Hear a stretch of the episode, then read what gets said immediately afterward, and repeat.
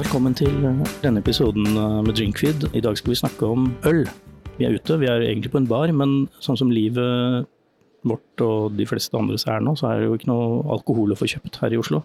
I vårt mobile studio har vi fått med Sigrid Stretskvern, velkommen. Tusen takk skal du ha, Tom. Du har kanskje landets kuleste tittel. Du er stemningsskaper. Ja, jeg har det. Og jeg syns jeg er superheldig som har den morsomme tittelen. Ja, det er helt fantastisk. Du jobber i Ringnes? Ja, jeg jobber i Ringnes. Og jobben din er å fortelle alle hvorfor øl egentlig er kult? Ja. Jeg pleier å oversette Når du skal fortelle hva en stemningsskaper er, så har det ikke bare med god og dårlig stemning å gjøre, men jeg sier jeg er en ølmisjonær. Ølmisjonær, du? Ja. ja. Så da blander vi litt religiøst inn i dette her òg. Du kan fort gjøre det når det gjelder øl, faktisk. Hvis du begynner å spole på historie, så, så ja, det, kan du godt få med deg religion. Det vet vi jo. Uh, våre forfedre med sånn horn på hjelmen, de, de, brukte jo øl eh, til alt mulig rart, også til religion. Så det, det, ja. det er innafor. Mm. Hva gjør en stemningsskaper sånn til daglig, da? Til daglig så bruker jeg jo mye tid på undervisning, eh, egentlig. Veien min har vært ganske sånn lang og broket i bryggeriverden, for jeg har jo nå eh, faktisk vært over 30 år i bransjen. Og jeg begynte jo som en sånn pottit som kunne gjøre alt på gamle Hamar bryggeri eh, i sin tid, og har fått reise en del rundt i verden undervist i mange forskjellige land. Eh, jeg startet det som het Ringnes Ølsenter i sin tid. og Jobbet mye ut mot med å skolere sånne enkle ølkurs for forbrukere først. Men de siste årene så har jeg da jobbet med litt mer avansert øltrening internt i Ringnes, og også for da Carlsberg internasjonalt. For, eh, for oss som har vært litt inni øl, så er det jo utrolig mye mangefasettert eh, landskap å bevege seg i når vi snakker om øl. Vi har jo selvfølgelig vanlig Det, det som fint, med fint kalles industriøl, som, som, eh, ja, som, er det de fleste egentlig forbinder med øl. Mm. Og så har vi hatt en oppblomstring med håndverksøl ja. i varierende grad. Mm. Og nå ser vi jo en endring igjen, for nå er vi, nå er vi kanskje over den verste hypen med håndverksøl.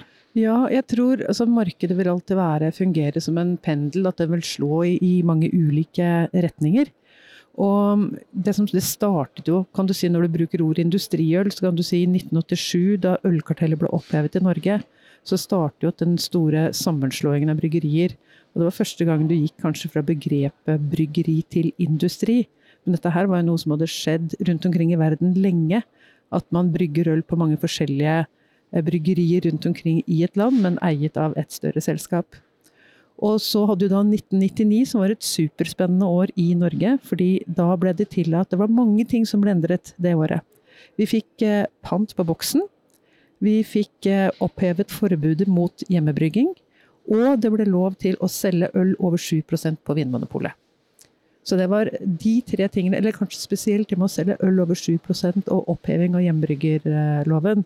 Det var veldig, veldig spennende. Og det er jo Kjetil Jikun på, som den gang som, som, drev Nøgnø, eller startet Nøgnø, som på en måte var den store gudfaren når det gjaldt det vi i dag kaller håndverksøl, da, som startet i garasjen sin i Grimstad.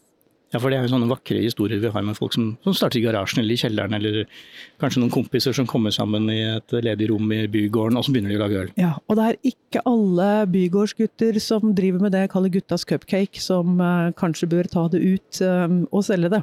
Nei, men altså, sånn som nå hvor, hvor, vi begynner å merke på at denne voldsomme førstebølgen Norge har ligget litt etter det er sånn, som vi, vi henger jo mm. litt etter resten av verden i forhold til dette. Men nå, nå som denne bølgen begynner å roe seg? Er det sånn at nå går det an å gå ut uh, uten veldig mye skjegg og flanellskjorter og, og, kose seg med øl? Altså, det, det er lov igjen? Ja, det er lov. Og ja, det som jeg syns er så fascinerende i Norge, er at det er jo ikke bare hipsterne som har tatt til seg dette som vi kaller håndverksøl, eller de litt mer spesialølene.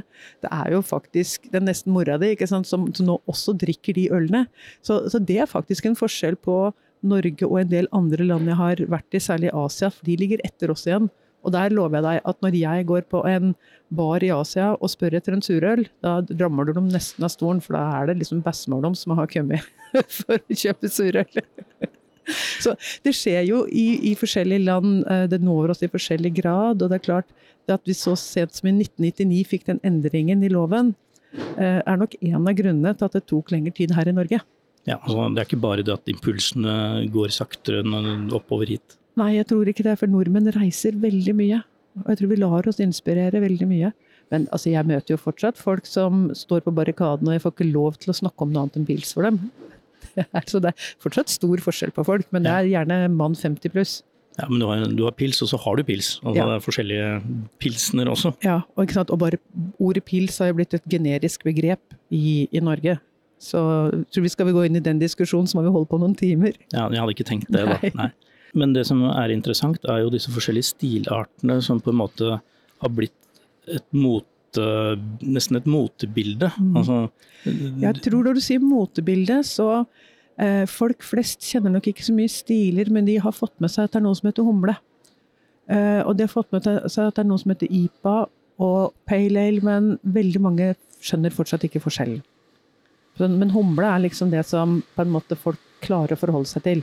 Da er vi jo inne på, på så teknisk brygging igjen. Altså, Nerdene der ute Mm. uh, vil jo nå straks uh, se for seg da alle humletypene som de Ja, ja. kan bruke, og de forskjellige blendsene Nå av humle. ramser du opp navn, alle navnene de kan, og karakteristika. Ja, for det er morsomme navn òg. Ja da, det er Cascade og Citra, Columbus og, og, og hva skal jeg si, eh, og så har du de klassiske tyske som er Hallertauer, Mittelfry, og du har Perle som er klassisk, og så har du den tsjekkiske SAS, og du kunne holdt på i timevis. Og det skal vi heller ikke. Nei, det skal vi ikke. Men det som er eh, litt morsomt, er jo det at for å holde, holde litt tak i dette med håndverksøl Mm. eh, litt til, det er jo at eh, Ringnes, der du jobber, har jo en, en avtale med kanskje verdens største mikrobryggeri, eh, Brooklyn eh, Breweries. Ja. Og, de, og de er jo grisesvære.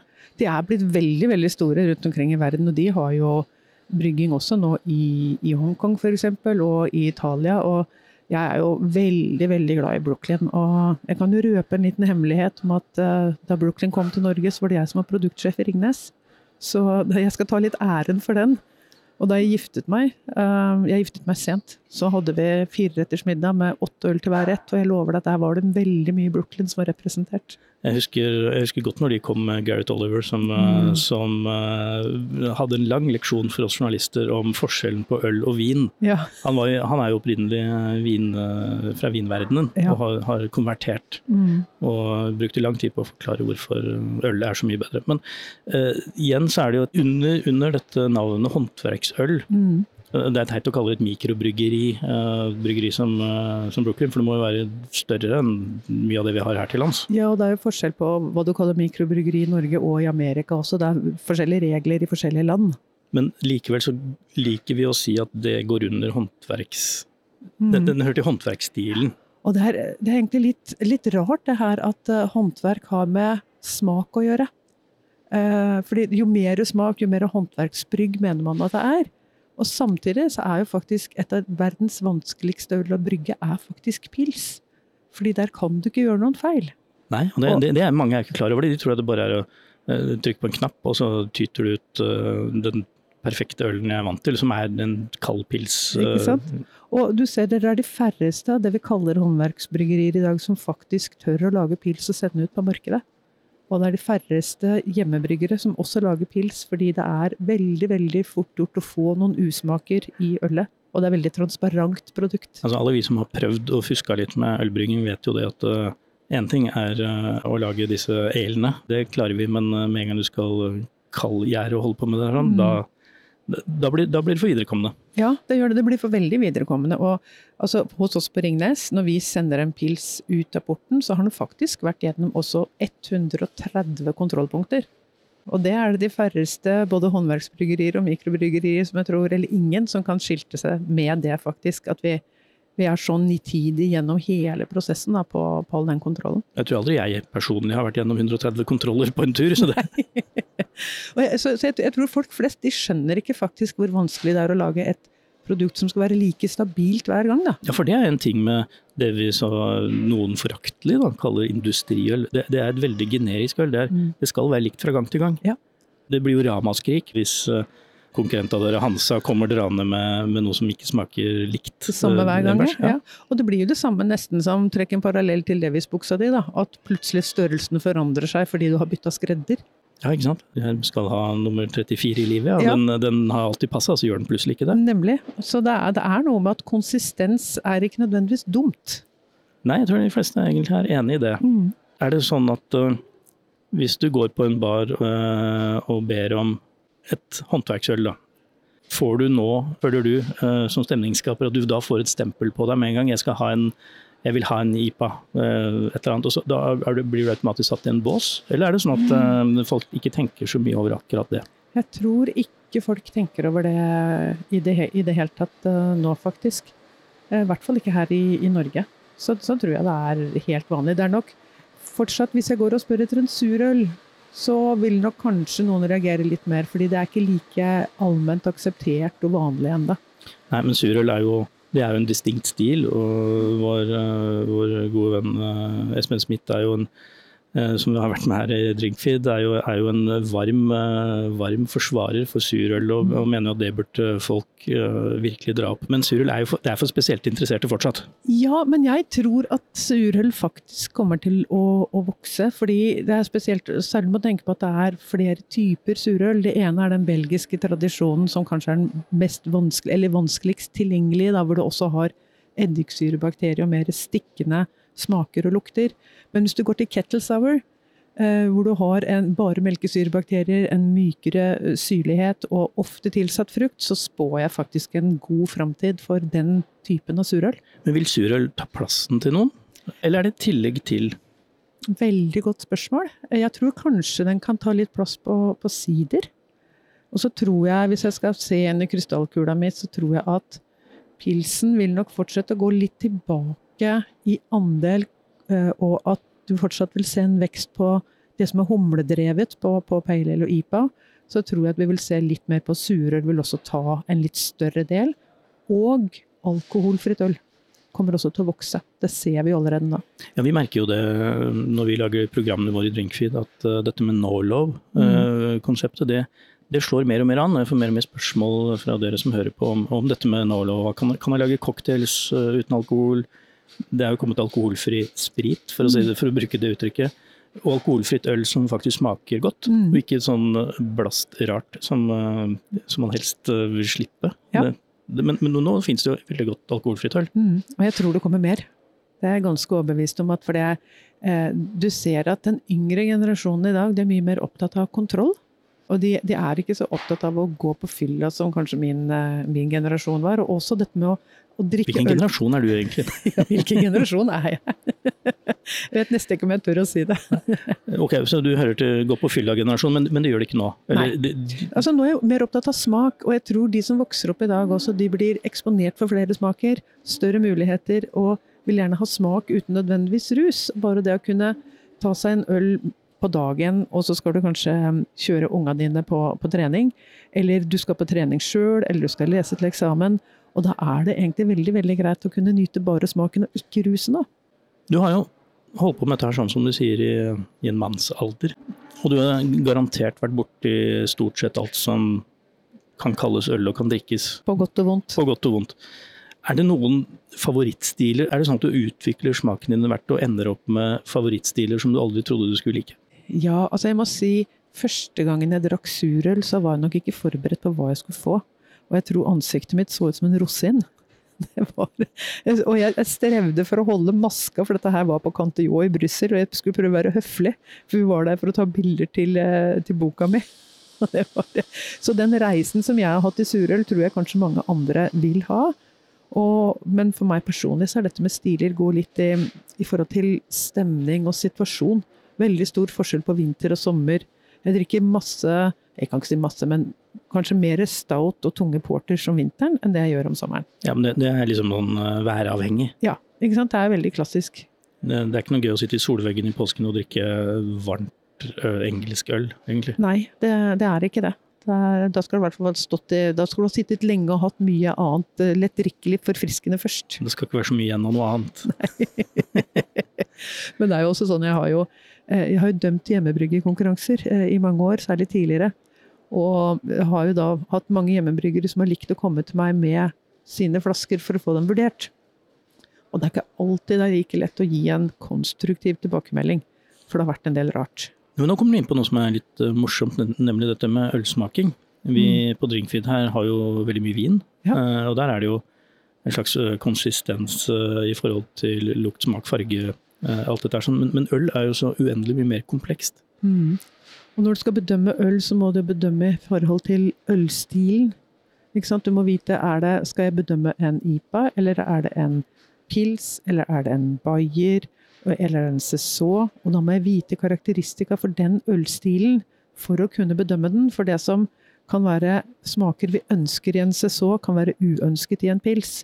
Så jeg har jo laget et smakehjul med 16 parametere for å prøve å dekke inn dette på de ulike ølstilene. Da. Selv med det, det så blir det jo også veldig skal vi si, avgrenset, og, og, virkeligheten er jo ikke det. fordi det finnes jo øl som uh, lett går over i forskjellige stilarter, og som mm. uh, jeg har erfart også ikke, ikke, nødvendigvis kan settes i bås i det hele tatt. Ikke sant. Og det som jeg syns er fascinerende da, med ølstiler, det var at da mennesker begynte å brygge øl for så mye som 13 000 år siden, så var det jo ingen som tenkte over ølstiler. De brukte jo det de hadde for hånden der de bodde. Og den som først begynte å snakke om ølstiler, var jo Michael Jackson.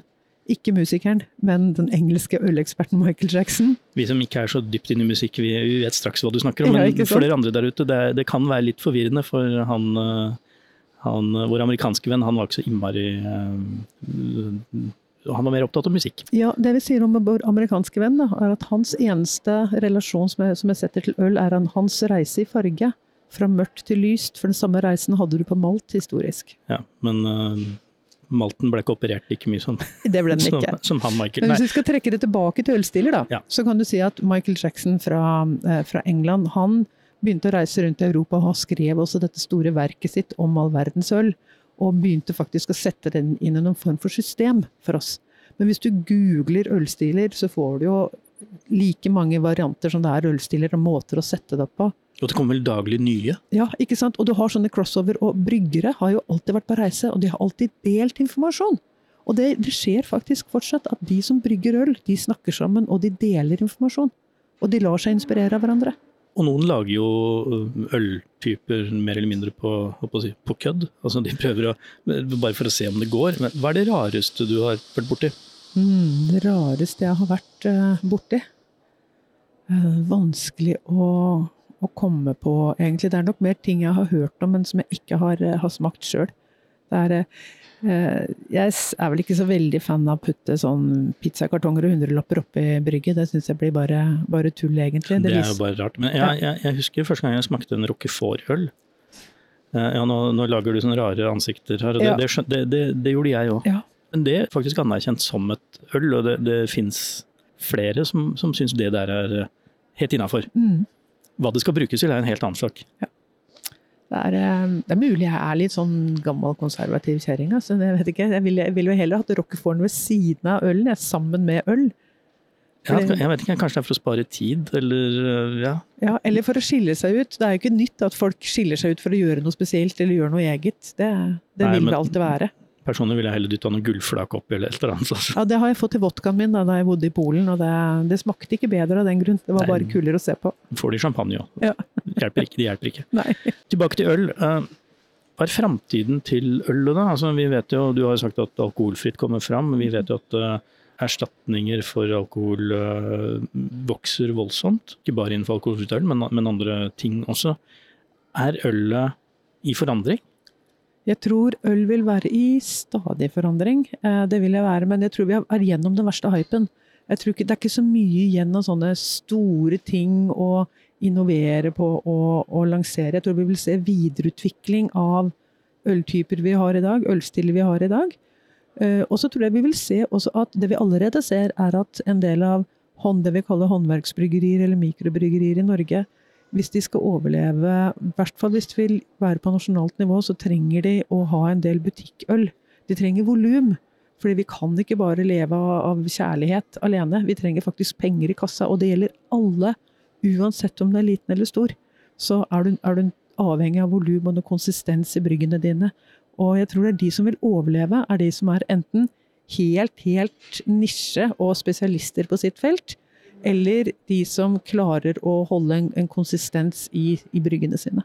Så når uvergelig hipsterbølgen forsvinner, Så betyr ikke det at uh, IPA og alle disse tradisjonelle hipsterølene også forsvinner? Nei, det tror jeg ikke. Jeg tror vi har fått dem eh, for at de skal bli, og det håper jeg virkelig. Fordi uh, øl har jo blitt så mye mer spennende. Da jeg begynte å jobbe med øl, og så vi skulle smake på øl og holde kurs, så smakte vi på forskjellen mellom eksportøl, bukkøl, bayer og pils, og kanskje noe juleøl. Uh, og jeg vet jo ikke om jeg hadde engang blitt i Ringnes hvis det ikke hadde skjedd en stor ølrevolusjon. Det har i hvert fall vært med å gjøre jobben min vanvittig morsom. Igjen, eh, fantastisk tittel å være stemningsskaper. Og dere der ute som nå hører på dette og har lyst på litt stemning, så butikken er åpne. Det er bare å gå og finne seg kanskje noen øl å leke med? Ja, vet du hva, det syns jeg. Noen øl, og, og prøv noe du ikke har prøvd før. Og gjerne sammen med mat. Eh, fordi mat kan forandre øl, og øl kan forandre matopplevelsen. Akkurat som i vinens verden. Og uh, gå gjerne på polet og kjøp deg en Cézot. Uh, vi har en fra Dals som heter Pepra Cézot, hvor vi har tilsatt pepper. Og når du har en Cézot som du drikker sammen med ost, så får du frem på en måte hele gårdsbruket, både i osten og i ølet, så de forsterker hverandre. Så er du en elsker av ost, så vil en sesong bare Eh, forhøye hele den osteopplevelsen. Og så kan du kjøpe deg en bukkøl i tillegg, for da får du se hvordan bukkøl eh, tilfører en sødme på en helt annen måte, og blir en kontrast til en del av de farmhouse-smakene. Så kan du toppe det med å kjøpe med deg en IPA, for da vil du også se hvordan humlebitterheten kan skjære gjennom i den osten. Og det er en helt sånn superenkel måte å starte på. Så ta med deg SESÅ, en bukkøl og en IPA. Da dytta vi på en tier på Sigrid, for dette kan du snakke om i timevis, og det får du ikke lov til akkurat nå, for nå skal vi runde av her. Tusen takk for at du, du kom, og at vi kunne treffes litt mm. ute. Litt grann ute, og så får vi heller ta oss en kald øl når vi kommer hjem igjen. Ja, det får vi gjøre. Ja. Det skal jeg.